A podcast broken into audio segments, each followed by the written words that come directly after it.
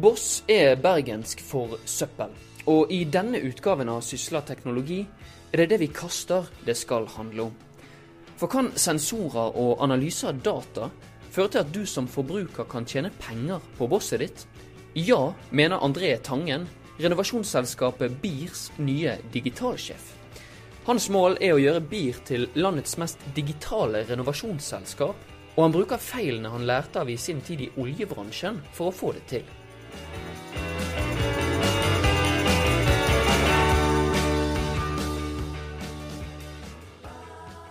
André Tangen, velkommen til oss i Sysla teknologi. Tusen takk. Du er digitaliseringssjef i et av Norges største renovasjonsselskaper, BIR, Bergen interkommunal renovasjonsselskap. Du jobber altså med å digitalisere prosessen som skjer etter at vi kaster noe i bosset. Og jeg tror ikke alle helt tydelig ser for seg eh, hvordan man digitaliserer en slik eh, prosess. Så først vil jeg at du gir lytterne et lite øyeblikksbilde. Hva er det som opptar deg på jobben akkurat nå? Akkurat nå, eh, hvis vi skal måtte sette det i et perspektiv som lytterne kanskje eh, kjenner seg best igjen, så tror jeg vi skal begynne et annet sted. For akkurat nå så sitter vi i en kommersialiseringsprosess i, eh, av et produkt som vi holder på å utvikle, som vi kaller Boss-ID. Som eh, er her for å standardisere og effektivisere datastrømmene på forskjellige avfallstyper. Hva, hva betyr det? Bare snakke helt norsk. det betyr eh, Hvis du eh, bor i et borettslag, og så har du en nedgravd løsning ute eh, med en identbrikke. Så du går bort til den nedgravde løsningen ditt, når du kommer ned med posen. Registrerer du at du skal bruke den, åpner luken, hiver avfallet. Vel og bra. Da har vi registrert deg, og at du har brukt eh, den tjenesten. Eh, men den nedgravde løsningen Det finnes mange leverandører av de. Og de forskjellige leverandørene de har forskjellige grensesnitt. De har forskjellig administrasjonsgrensesnitt, f.eks. De kaller eh, innholdet forskjellige ting. Det skaper en problem for oss som renovasjonsselskap å kunne bruke den dataen effektivt vi må trenge gjennom eh, administrasjonsgrensesnittet, for å si det sånn. da. Betyr det at dere ikke vet hvor mye person X har kastet, f.eks.? Vi vet hvor mye person X har eh, kastet, men det krever en del timer hos oss eh, for å hente ut den dataen og putte inn i vårt kundesystem. For det er ikke et strømlinjeformet system? Nei, og det er ingen, det er ingen standard grensesnitt. Så det vi holder på med med vår side, det er jo bl.a. å lage det standard grensesnittet. Sånn at for oss som selskap så spiller det ingen rolle hvilken leverandør borettslagene bruker på sin løsning. For det, det blir plug and play. Det sier du dere jobber med å kommersialisere, så ja. dette skal dere tjene penger på? Ja. Eh, vi har jo Altså, BIR er i Norgesammenheng fall en unik situasjon eh, som vi må være ydmyke for og, og, og takknemlige for. Og det er iallfall todelt. Det er selskapsstrukturen. Vi er et interkommunalt selskap.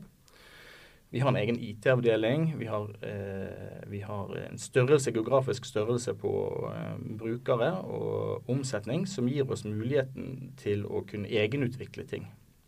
Eh, andre renovasjonsselskaper har gjerne en, en, en, annen struktur i forhold til eh, politisk styring osv. Som, eh, som kan skape problemer med langsiktig planlegging. Eh, samtidig så har de, eh, de færreste forunt å ha en så stor omfang at de har måte, omløpsmidler nok til å, å kunne bruke ressurser på, på, utvikling og den type ting. Betyr det at dere er store nok til at dere kan få inn nok data til at det blir vesentlig, og liten nok til at dere kan kaste dere rundt og gjøre ting på egen hånd? Ja, altså det betyr at vi har får fått inn nok data og nok penger eh, til å, å, å, se behov og gjøre noe med behovene. Eh, F.eks. hvis vi sier denne her, her i Bergen sentrum så har vi Bossnettet. Eh, og, og, det ville jo vært helt umulig for oss å bygge ut Bossnettet med til slutt kanskje 20 000 brukere hvis vi skulle på en måte manuelt administrert eh, kundene våre. Eh, samtidig som vi har en eksplosiv eh, vekst med borettslag og de nedgravde løsningene og skulle på en måte administrert det òg. Eh, vi har estimert at for 400 brukere, administrere 400 brukere, eh, unike brukere, så tar det én dag med administrasjon. eh, hvis du på en måte tar den manuelle veien. Det er et litt eh, stort borettslag, det. Ja, sant? Eh, men med, med ved hjelp av BOSS-ID, som kobler eh, dataen direkte inn i, kundesystemet, så skjer det på eh, mindre enn et sekund. Betyr det at eh, dere allerede har brukt dette i, BIR-systemet eh, noen steder, og nå ønsker dere å, å på en måte kommersialisere det og, og, og selge det til andre? Ja, eh, fordi at vi ønsker jo å, å dele det vi måte oppnår. I forhold til at vi ser som sagt at vi er relativt unike, og at vi er heldige. Eh, og vi ønsker jo da å dele det med de som nødvendigvis ikke har den muligheten eh, selv. Og da antar jeg at dere har sjekket at dette ikke finnes i markedet fra før, selvfølgelig. Ja, det gjør det ikke. Uh, og vi har, vi har uh, Denne digitaliseringen den muliggjør jo en del ting. Uh, sånn som mm, kanskje de fleste har fått med seg, så har vi noe som vi kaller fleksibelt gebyrmodell i, i Bergen. Og Det betyr at man betaler ut ifra hvor mye man kaster. Ja, du har et fast gebyr, og så har du et variabelt på toppen. Eh, for å kunne muliggjøre det, så må vi registrere. Og for å registrere så må vi digitalisere. Så vi har 200 000 sensorer cirka der ute på, eh, på eh, eh, søppel- og boss, eh, bossbane. Jeg har bestemt meg for at vi har lov å si boss i denne podkasten, men for de som ikke skjønner hva det betyr, så er det altså søppel. Men vær så god, boss. Ja, takk. Vi, vi, rette, vi rettesetter jo Erna Solberg, så vi må jo eh, få lov til å bruke det.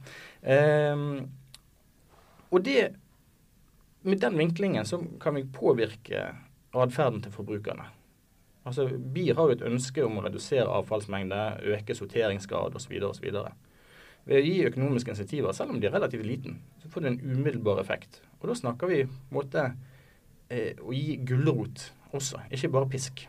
Eh, og vi så jo det at eh, med en gang vi innførte dette her i, i Bergen, så eh, reduserte vi restavfallet eh, med 4000 tonn.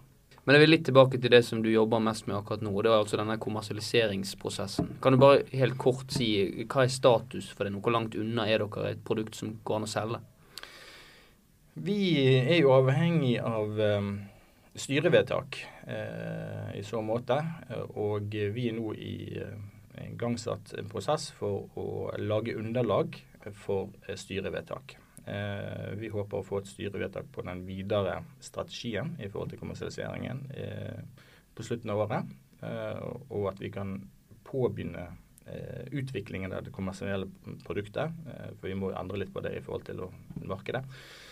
I løpet av begynnelsen av 2018 eh, så forhåpentligvis så er vi klar til å tilby noe til markedet tredje kvartal 2018.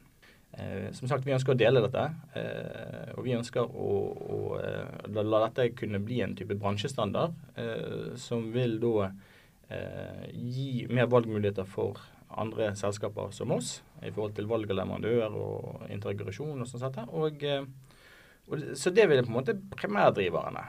Vi skal høre mer om hvordan Boss digitaliseres, men først så har jeg lyst til å bli litt bedre kjent med deg.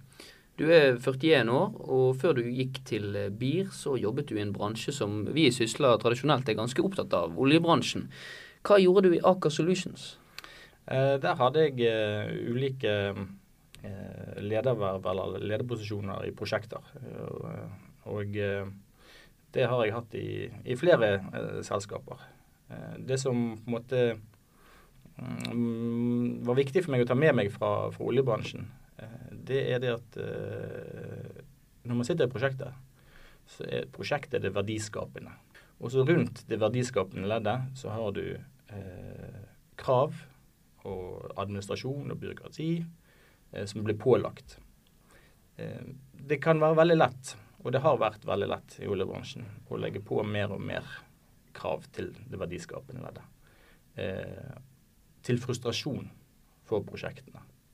Eh, det går utover inntjeningsevnen, det går utover tidsbruken, som til syvende og sist prosjektet også blir målt på.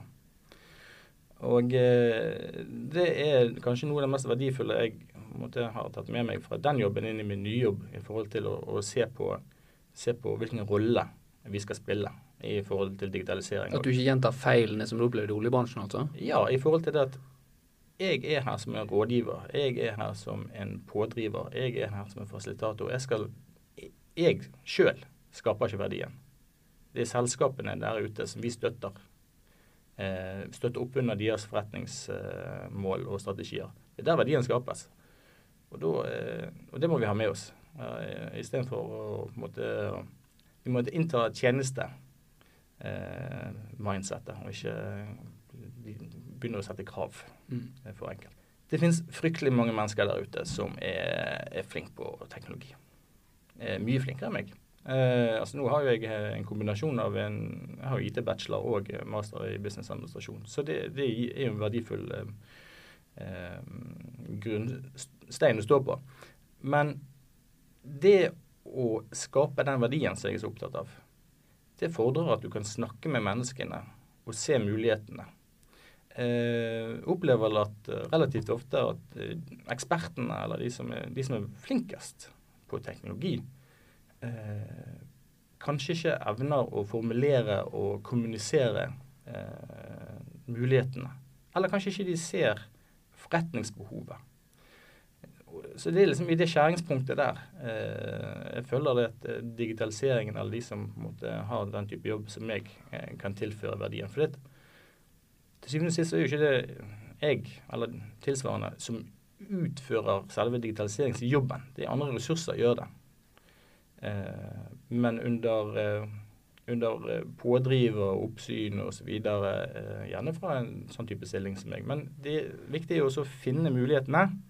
Støtte opp under de verdiskapende elementene.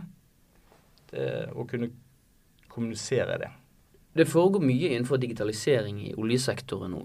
Ser du noen fellestrekk mellom prosessen som nå skjer i oljen og, og industrien for øvrig, eh, og det du nå jobber med innenfor digitalisering i BIR? Vi er jo til syvende og sist gjerne avhengig av den samme teknologien. Vi er, ut, vi er avhengig av narrowband, vi er avhengig av ulike sensorer eh, som brukes på tvers av selskapene. Eh, så det å eh, måtte bare fokusere på sin egen bransje, da eh, går man glipp av mye. Samtidig så er det andre sammenhenger man kan ha mellom f.eks. Da, og og oljebransjen. Sånn som f.eks. Vi har et forbrenningsverk. Oljen har en plattform. Begge deler har behov for vedlikehold. Begge deler eh, må eh, undersøkes, repareres. Begge deler kan være vanskelig å, å navigere i forhold til og, hvilket utstyr, hvor det er lokalisert, eh, levetid osv. osv. Mm. Og det, det er, det fellestrekk for, for forbrenningsanlegg og en plattform. Og da, sant, sånn at Hvis man f.eks. utvikler VR-briller da, som er koblet opp til, eh, til 3D-modeller og, eh, og, lister over utstyr. Altså virtual reality-briller ja. som du ser. Eh. Sånn, så kan det f.eks. da navigere deg frem til problemområdet, og så highlighte uh, det som er ventilen som må sjekkes eller skiftes. Vi tar en liten pause i intervjuet her for å fortelle deg om noe spennende som vi jobber med akkurat nå. Den 21. februar så arrangerer vi en ny runde med Sysla Live i Stavanger. Denne gang er det digitalisering og teknologiutvikling i oljebransjen som er tema. Overskriften 'Fra plattform til plattform' sier det meste. Vi kommer ganske snart til å slippe noen av de mange spennende gjestene vi har på plass allerede på våre nettsider sysla.no, så sett av datoen og følg med på nettsidene våre. Nå tilbake til Tangen. De jevne renovasjonsselskapet har jo knapt sin egen IT-avdeling. Altså, hvem er det som skal drive frem digitaliseringsprosessen i den bransjen? Du må ha insentiver til det, og så må du ha mulighet til det. Har dere det? Ja. Hvor mange som jobber der? Altså I IT-avdelingen som sådan så har vi åtte stykker. Men det er ikke alle som jobber med digitalisering. Det går jo eh, på drift òg. Eh, de som kan jobbe med digitalisering, la oss si at det er en type fire stykker. Når det er sagt, hvis vi skulle oppnå på en måte alle målene og alle mulighetene som vi ser, så måtte vi hatt mye flere. Så det er jo på en måte en prioritering i dette her òg. Og, eh, Men da er du tilbake med liksom grunnrammeverket for hva en, et renovasjonsselskap skal være, og modell vi har bygget det på? Ja, men altså, sant, ok, sant, det òg kan bli utfordret i en sånn prosess. Eh, hvis vi gjennom digitalisering bl.a.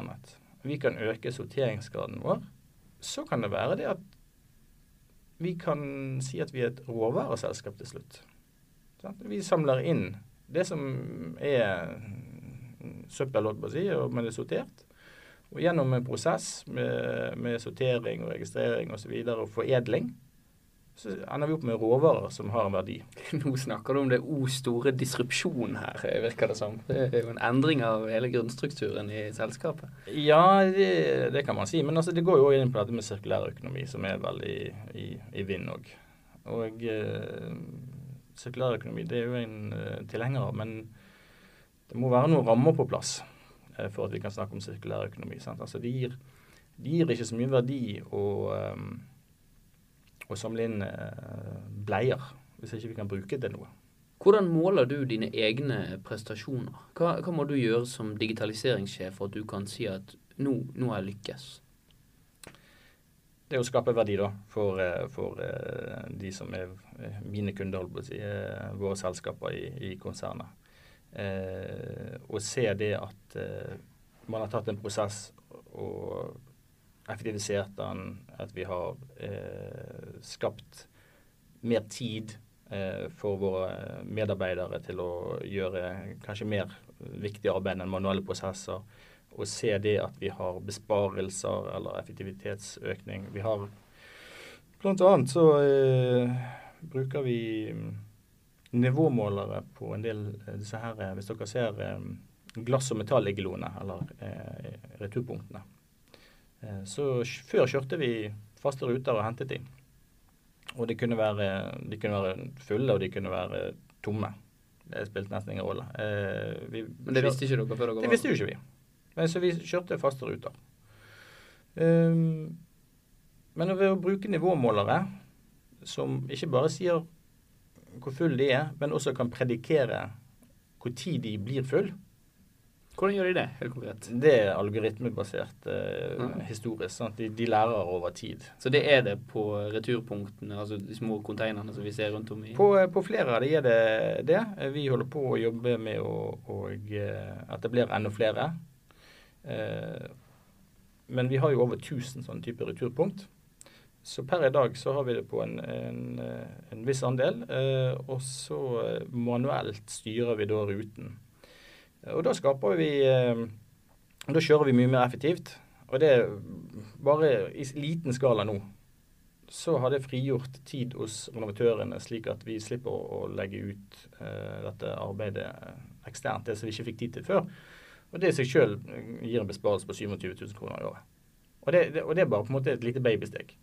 Uh, så vil jo vi på en måte ekspandere det, og så vil vi kombinere det sammen med Eh, programvare som dynamisk genererer ruten. Fordi at du kan ikke manuelt holde på å følge dette opp når du har 1000 containere. Altså det, det, blir, det, det, går ikke an. Så basert på hvor fulle disse returpunktene er, så lager datasystemet en anbefalt kjørerute for de som skal hente det? Ja, daglig. Så må vi inn på noe som eh, dere i BIR kaller for en bossrevolusjon. Bossnettet i Bergen en gigantisk bossstøvsuger under bakken, har jeg valgt å beskrive det som. Dette er jo et av de stedene der denne, eh, dette produktet som dere vil kommersialisere, er i bruk allerede, ikke sant? Ja, det stemmer. Ja. Når var det bossnettet kom? Eh, det vel, eh, ble vel operativt i første i 2015, tror jeg. Bossnettet som det er i Norge, eller i Bergen, er så vidt vi kan se unikt i Norge. Ikke Pga. bussnettet teknisk. Men kombinasjonen av eh, den tekniske løsningen, av identifiseringen av brukeren, av en fleksibel gebyrmodell, den kombinasjonen der, eh, så vidt vi vet, er unik i verden. Men det er kanskje dette med, med ID-brikken og, og knytte det direkte til personen som på en måte er den største nyvinningen, hvis jeg forstår det riktig? Sånn. Ja, sammen med, den, ja, sammen med den fleksible gebyrmodellen som på en måte hjelper på og, og gir insentiver til å, å sortere osv. Altså, du kan jo tenke deg uh, ikke i fjern fremtid, men uh, nær fremtid at uh, posene man bruker til å putte boss oppi og søppel oppi, de har en unik ID på seg. hvis vi da registrerer at person X hiver denne posen i uh, søppelsjakten, så kan vi da trekke den posen med det innholdet, og den, altså den avfallstypen, helt fra den blir, kommer inn i verdikjeden til den blir foredlet på et eller annet sted. i forhold til enten eh, gjenvinning, sortering, eh, energigjenvinning. Og da kunne man eh, altså for, eh, for, eh, for gøyhetens del, holdt på å si, så kunne jo man kunne forbrukeren kunden han kunne fulgt med på en webside. Hvor, hvor, er hvor, hvor, er bosset mitt, og hva, hva, skjer med det? Og så kunne de fått et uh, resultat og sagt at uh, den posen ga x antall uh, watt energi. Og I løpet av et år så har du f.eks. generert så og så mye. Det finnes sikkert de som vil rynke litt på nesen av den type, altså så nær teknologi. Hvordan uh, tenker dere om personvern og den type ting oppi hvis, hvis vi ser for oss en nær fremtid som er så overvåket i hermetegn? Ja, altså Det krever jo det at vi eh, har tungen beint i munnen i forhold til hva vi bruker den dataen til. Altså at det blir anonymisert eh, på et tidspunkt der eh, med en kommersiell bruk f.eks. og den type ting. Så, men vi har, eh, vi har, eh, flinke folk som følger med på alle de lover og regulative endringer som skjer på det området. EU-direktiv eh, som passer på at vi, eh, at vi har det med i, i, når vi ser på løsningsbildet. Hvilke positive ringvirkninger ser du av en sånn type løsning? Hva kunne dere benyttet den dataen til, f.eks.? Et fundamentalt problem med sirkulær økonomi, det er det at i, i dag så eh, i dag så eh, sier vi at OK, plast eller papir. Eh, men det kan inneholde så masse forskjellig kvalitet kvaliteter. Og det, De forskjellige kvalitetene har forskjellige verdier. Akkurat Vi kan sammenligne med metall. Sant? Altså Aluminium og gull har ikke samme verdien. Um, og for at vi skal kunne nyttiggjøre oss det og få den verdien fullt ut, så må vi gjøre litt sånn som eh, dagligvarebransjen. Altså, de har strekkoder på, på, alt. Det er standardisert for eh, hele bransjen. Sånn at de kan si med 100 sikkerhet hva dette produktet Altså når de ligger i søppel, eller når de ligger i, når de, ligger, når de er i butikken. Identifisere hva dette produktet er, hva det inneholder, hva det er lagd av. Og det må du på en måte, Hvis vi, hadde, hvis vi hadde hatt den muligheten innenfor renovasjon, så kunne vi gjort sortering på et helt mye mer findetaljert uh, nivå. Og, uh, og, da kunne garantert neste ledd at, på kvaliteten på det produktet som vi eh, selger de. At ikke her er det bare en hel eh, miks av forskjellige eh, kvaliteter, og det forringer verdien. sant? Så hvis vi drar det videre da, til forbrukeren, hvis vi sier metall, så kan vi si at uh, vi kan komme dit at uh, metallet har en egenverdi. Og hvis vi da klarer å identifisere du som uh, kunde hvor mye du sorterer, og hva vi har hentet av deg, så kan vi si at du har kastet x kilo aluminium, du har kastet x kilo magnesium, du har kastet osv. Så, så kan du få en kreditering, f.eks. Du har generert så mye verdi? Ja. Du har generert verdi i dette råvareselskapet vårt. Og her er din eh, andel, holdt jeg på å si. Sant? Det er både insentiv Litt ditt, kunne du kalt det. Litt ditt. Nei, men altså, det de skaper verdi, og, og, da, og, for å skape de insentivene som på en måte får folk til å ta det ekstra steget, så, så jeg tror jeg det, er sånn type ting eh, kan være fornuftig. Det er jo utvilsomt veldig interessante tanker du drar opp nå. Men, men er dette noe som eh, på noen måte er realistisk eh, i nær fremtid? Er vi der? Ja, jeg vil si i nær fremtid. Så vil jeg påstå altså innen type altså, Hva er nær? Men innen en type treårsperiode så skulle jeg tro at noe sånt er mulig å få til. Altså, i dag er det mulig å få til at vi identifiserer sant, altså fra, fra vugge til grav på, på, på, på, en pose og innholdet. Og, og, får vi en sånn situasjon som du snakker om, der man kan opptjene kreditt basert på hva man kaster og hvordan man sorterer, så vil du tro at det også vil være ganske kraftig insentiv til å redusere avfallet og sortere skikkelig. Litt tilbake til det du snakket om med effekten av uh, justert gebyr ut ifra hvor mye du kaster. Klart det. Altså du ser uh, Her i Norge så har vi hatt ja, Vi holdt på å pante flasker i aldri så mange år. Uh, det er jo ikke enorme summer det er snakk om vi får for hver flaske. Men vi er veldig flinke til å pante likevel. Sant? Det er vel sånn type 90 eller noe sånt som blir pantet. Og det, du, Jo nærmere du kan gi sånne type tilbud til forbrukeren, til kunden, Det kunne jo være det at, eh, at man tar vekk panteautomaten fra butikken f.eks., og at de blir pantet rett og slett når vi henter de. André Tangen, digitaliseringssjef i BIR, tusen takk for at du kom til oss i Sysla teknologi. Tusen takk, det var spennende å være her. Du har hørt den foreløpig siste episoden av serien De nye digitalsjefene her i Sysla teknologi. Husk at du kan abonnere på alle våre podkaster i iTunes. Frem til neste gang, ha en fortsatt strålende dag.